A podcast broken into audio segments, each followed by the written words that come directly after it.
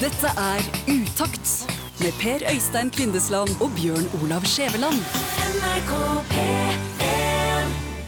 Rolling Stones og Start Me Up, og det er fredag, og snart er det helg, og her er utakt med godt humør på formiddagen. Og lukk øynene nå, og forestill deg at du står i et rom. Nei, Ikke lukk øynene hvis du kjører bil, og det er jo særdeles dumt, men, men da kan du bare forestille deg at du står i et rom. Ok, jeg lukker øynene og står i et rom. Hva skjer? Så kommer jeg inn med en nøytrale parfymeflaske, og så sprayer jeg litt grann rundt i rommet. Vil du da være i stand til å kjenne om det er en dameduft eller en herreduft? Ingen problem. Ingen problem. Jeg vil kjenne det med en gang. Ok. Ja. Og er ikke det litt rart? At det er én duft som er definert for damer, og én duft som er definert for menn? Og hvem har bestemt det?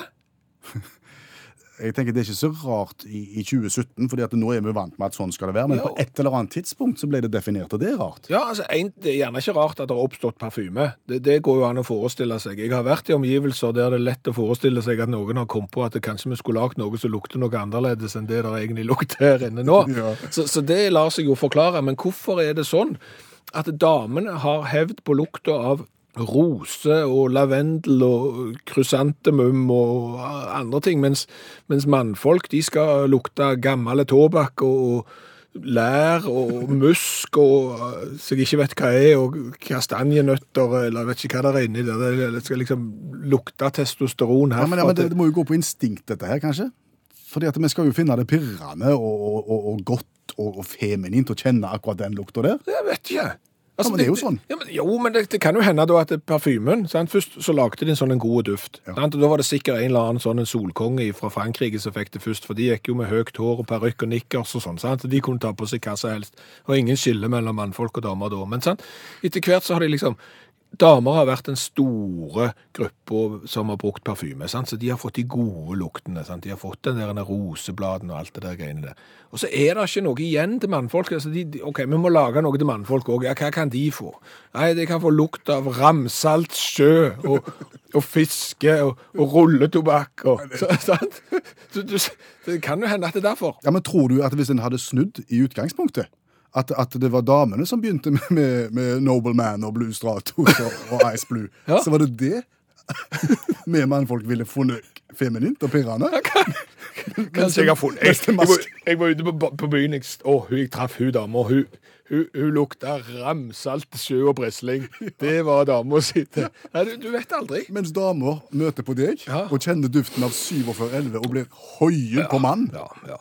Nei, det, det, det, er det- et interessant problem. Ja, det er det, for, for det er liksom en del sånne rare forskjeller òg. Du har liksom dameklær og herreklær. sant? Hvorfor skal de gå i skjørt og, og, og vi gå i buksa? For i noen plasser så går jo alle i skjørt.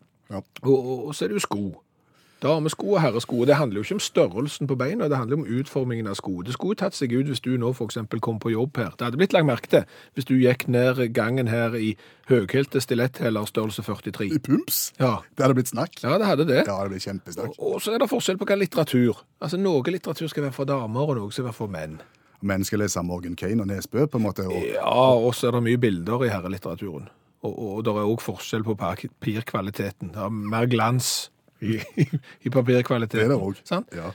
Og, og når jeg liksom slumper til å lese damelitteratur, s- som jo har hendt ja, hva skjer med deg da? Nei, da, da ser jo folk på meg. De ser jo med sånn et blikk Hæ, sitter og leser liksom Lucinda Riley og Lavendelhagen? Det er liksom sånn Har du gjort det? Jeg slapp opp for krimlitteratur og leste da damelitteratur eh, en sydenferie. Og for å si det sånn, det er ikke noe galt med det. Nei. Jeg ble grepen. Ja.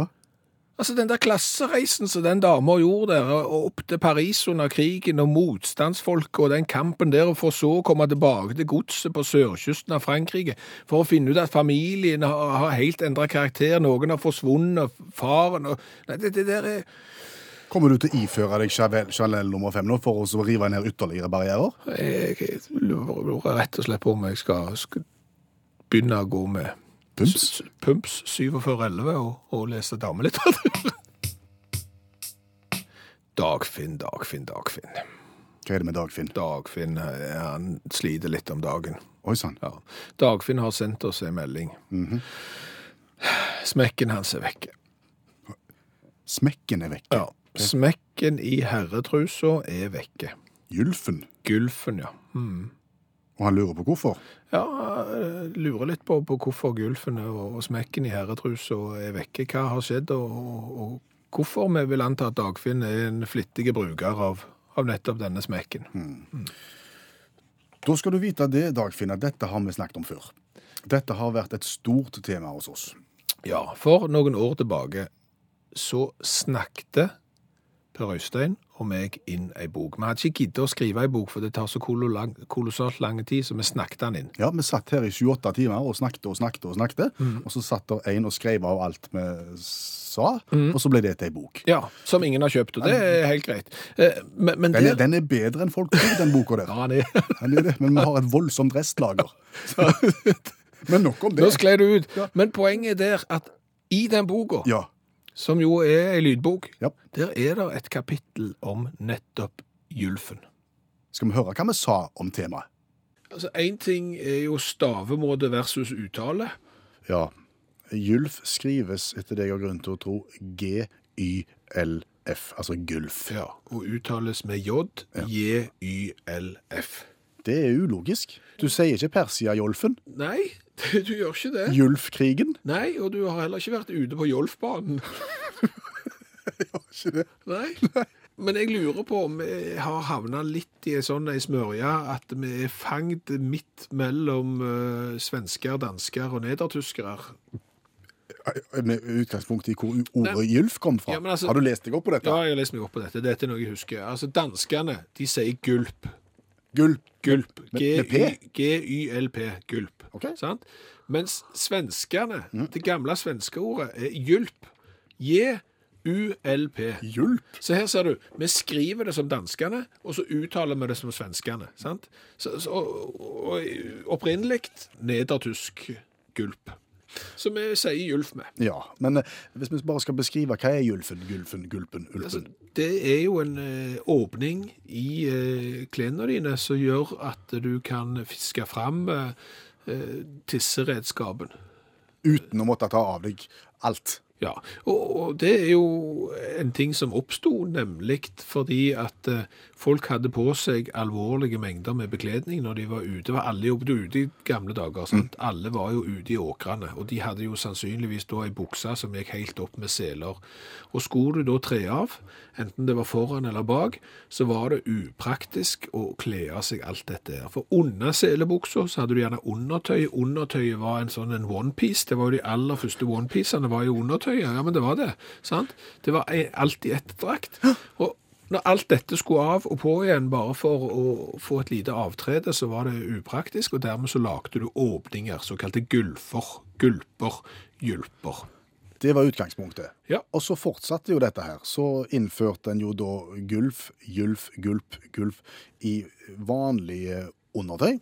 Som eh, vanlige mennesker brukte, også de som ikke var ute på jorda og jobba. Ja, eh, og og så har det blitt innarbeida etter dette. Ja. Men det som jo er rart, at dette produktet som vi oppsto fordi at det skulle være enklere å tre av, har det etter hvert blitt slutt på. Legger du ikke merke til det? Jo, for hvis du nå går i, i klesskapet og ser på alle boksershortsene som ligger der, så finner du ikke en eneste med gylf. Jeg har ingen undertøy med Gylf i det hele tatt. Hvorfor tror du det har blitt sånn? Fordi folk fant ut at det var et mirakel med dette her gylf-greiene. For det er jo det. Fordi at skal du benytte deg av gylf, så må du på en måte bedrive fisking. Ja, og da snakker vi ikke i fotballsammenheng at du ligger bak forsvarsrekka og tar imot langpasningene, går alene mot keeper i et spill der det ikke er offside. Nei. Nei. Du, du må finne fram den som du skal tisse med. Ja, Og den må da fiskes fram via gylfen. Og da må du på en måte gå først inn til høyre, og så må du gå til venstre, for det er en slags sånn klaffordning i den gylfen. ja, men det er jo før du har kommet til buksa, sant? for det er jo bare undertøyet. Da skal du først fiske den fram der, Ja. så skal du åpne gylfen i buksa, så skal du fiske den fram der òg. Og for å si det sånn, en vanlig utstyrte mann, når du har fiska gjennom to sånne høyre-venstre-passasjer sånn som det, så er det ikke mye igjen. Og da blir det fort søl. Ja. Ja. Så derfor så vil stadig flere nå praktisere vipping framfor fisking. Ja, og det vil si at OK, du åpner litt av gulfen i buksa, iallfall den øverste knappen, og det er jo på en måte bare for at buksa skal komme ned fra hoftekammen. Og så istedenfor å ha gulf i undertøyet, så bare vipper du den smålekkert og, og ærbødig over strikken. Ja. Vipping mye enklere enn fisking. Og, Ja. og kommet for å bli. Ja, det er jo det. Utakt på NRK P1. Og det er sånn i dette programmet på fredagene at vi gjerne vil hjelpe folk til å lære seg klassisk litteratur. For klassisk litteratur er gjerne litt vanskelig tilgjengelig. Bøkene er tjukke, det er få bilder i de, teksten virker gjerne litt kjedelige, så kan vi ikke bare lære de. Jo. For gjerne så skal du ut i et eller annet sosialt eh, selskap i helga, hvor gjerne klassikerne blir tema, og der står du som en løk og har ikke lest det, og kan ikke bidra i det. Nei, hele tatt. og, og, og vi vet at det er mange som faktisk benytter seg av dette utdanningstilbudet som vi har i radioen akkurat nå. For jeg fikk en eh, melding her fra ei som har ei datter som nå skal opp i eksamen muntlig norsk. Å. Og dermed kommer hjem med litteratur som skal brukes i eksamen norsk. Og det er da du skjønner at ja, men dette har jeg ikke greie på. Et dukkehjem, Antmannens døtre osv. Sant? Bøker du aldri har lest. Så disse må nå inn i lista, så vi kan lære oss eh, de òg. Og så kan du gjerne gå opp til norskeksamen uten å ha lest. For vi tar for oss én klassiker hver fredag og går gjennom den på to-tre minutter, og da skal du være i stand til å diskutere boka. Janne Stigen Drangsholt er forfatter og litteraturviter og hjelper oss med dette prosjektet.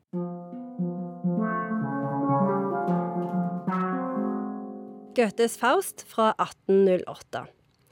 Faust inngår en avtale med djevelen. Det viser seg å være en ganske dårlig deal for Faust. Faust dør, men det går bra til slutt.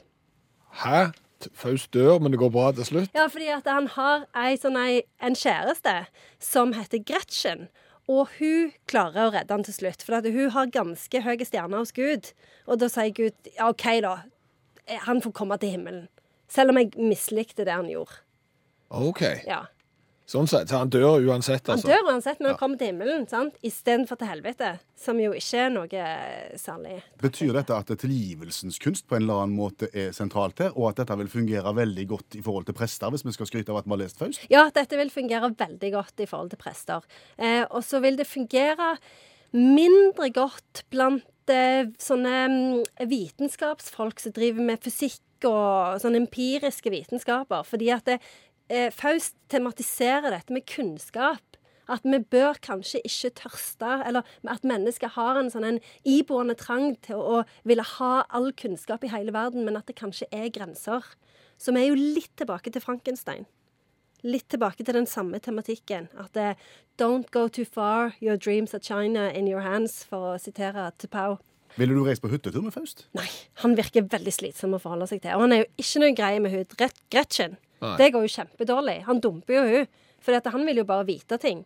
Sant? Så han liksom sånn Gå vekk, Gretchen. Men, men så er det det mest kjente sitatet fra Faust, og jeg vet ikke om det er så nyttig egentlig, det er 'Alt evig kvinnelig løfter oss hjem'.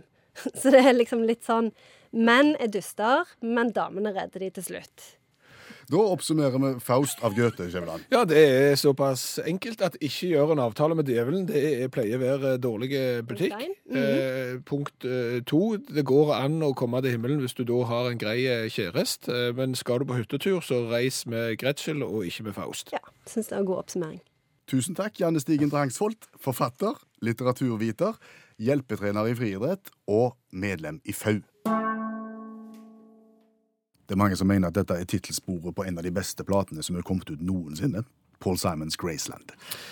Og Graceland, der har vi vært. Å ja, Ja, det var en spesiell opplevelse. Det var en kjempespesiell ø, opplevelse. Vi kan fortelle mer om den en annen gang, men det gir jo oss en fiffig mulighet til å reise til The United States of the USA. Ja, men vi skal ikke besøke Elvis. Nei, vi skal ikke det. Vi skal snakke litt om stillingsvern. Fordi at eh, du for eksempel nå, Per Øystein, sitter jo foran meg i en eh, grønn skjorte. Mm.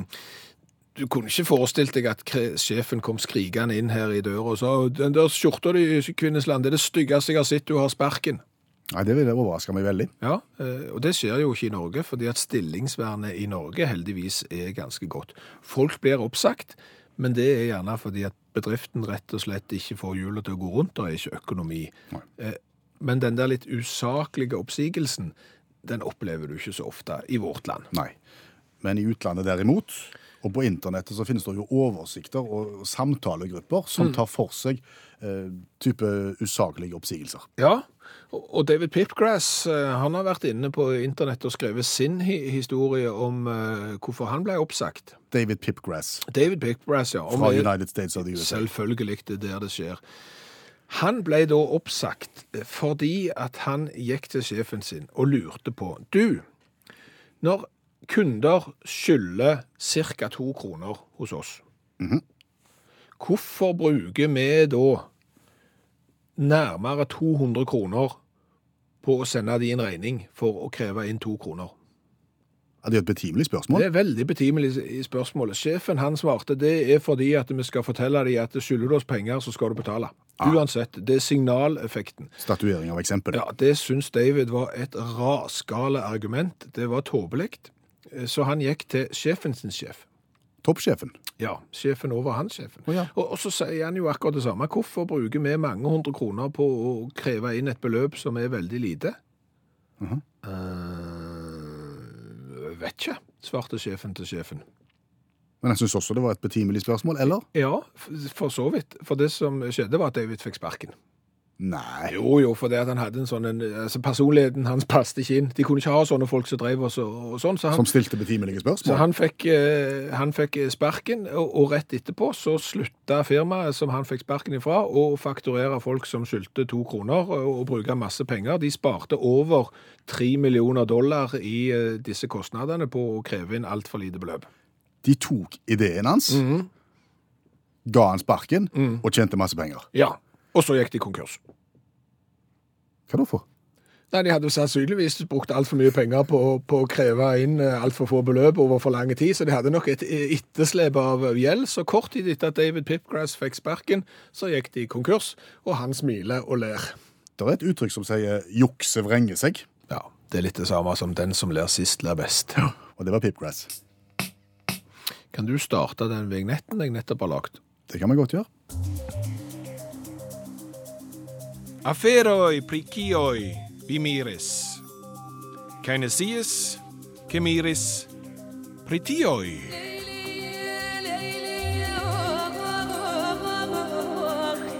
Hva, hva er dette?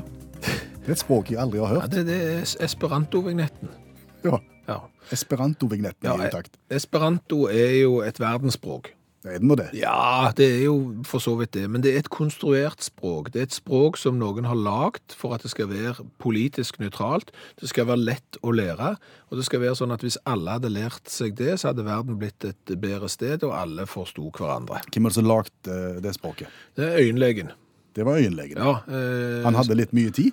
Samenhoff eh, hette han. Ludvig Samenhoff, og, og lagde dette internasjonale hjelpespråket i 1887. Og, og tanken var at esperanto skulle eh, fungere som et felles språk på, på tvers av vanlige språk, religion og kulturbarrierer og alt sånn, og som jeg sier, skape kommunikasjon og en fredeligere verden. Det er ikke så veldig mange som snakker esperanto i dag. Er det det? Nei, og, og det er derfor vi vil gjerne vil løfte det fram. Fordi at hvis du lærer deg esperanto, Mm. så er det en del gulrøtter du kan ta med deg i posen. Hva er esperanto-gulrøttene for noe? Esperanto er jo egentlig mye billigere enn Airbnb. Altså leie av leilighet på, på ferie? Ja. Fortell. Fordi at ifølge Norsk Esperantoforbund, Ja. så kan du, hvis du snakker esperanto, overnatte gratis hos andre esperantister. Se det. Du, du kan få gratis overnatting hos de, og dermed så snakker dere esperanto sammen, og så, så bor du gratis, og det er jo mye billigere enn å betale for det. Klart det. Ja, ja, men, sant. hvis du snakker, men kan du risikere å få andre esperantister hjem til deg, da? Fra andre deler av Ja, det er verden? litt sånn ta og gi, selvfølgelig. Eh, Ja. Det, er- det er det jo. Eh, Skal du bo gratis i Chicago, så, så må du gjerne ta en eller annen fra Spania igjen. Så, sånn er det bare. Og så har du jo Delegita Reto. Du har Delegita Reto. Hva er delegidareto for? Altså Det internasjonale esperantoforbundet de organiserer da et nettverk av frivillige. og Det nettverket der det er Delegata Rito.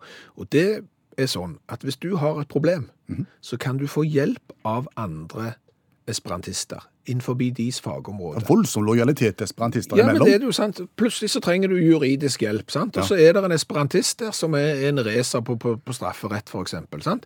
Og, og så kan han hjelpe deg. Eh, kanskje trenger du turisthjelper her. Ingen problem. Eller bare generell hjelp. Jeg vet ikke, jeg, Trenger du murer? Eh, En som er god å fuge? Noe sånn. Esperantistene stiller opp. Så, så du ser at esperanto er på en måte veien inn til et lettere liv. Det er så mye mer enn et språk. Det er mye mer enn et eh, språk. Det er både dugnad og overnatting. Ja. Så derfor så tenkte vi å kjøre lynkurs i esperanto. Ja. Nå vil vi lære deg eh, en 10-15 eh, standardfraser som du kan bruke og framstå som esperantist. Dermed kan du bo gratis i sommer og sannsynligvis få fuga av flisene dine. Mm. Skal vi begynne med en eh, frase da, som er veldig aktuell når du er f.eks. på ferie i Syden.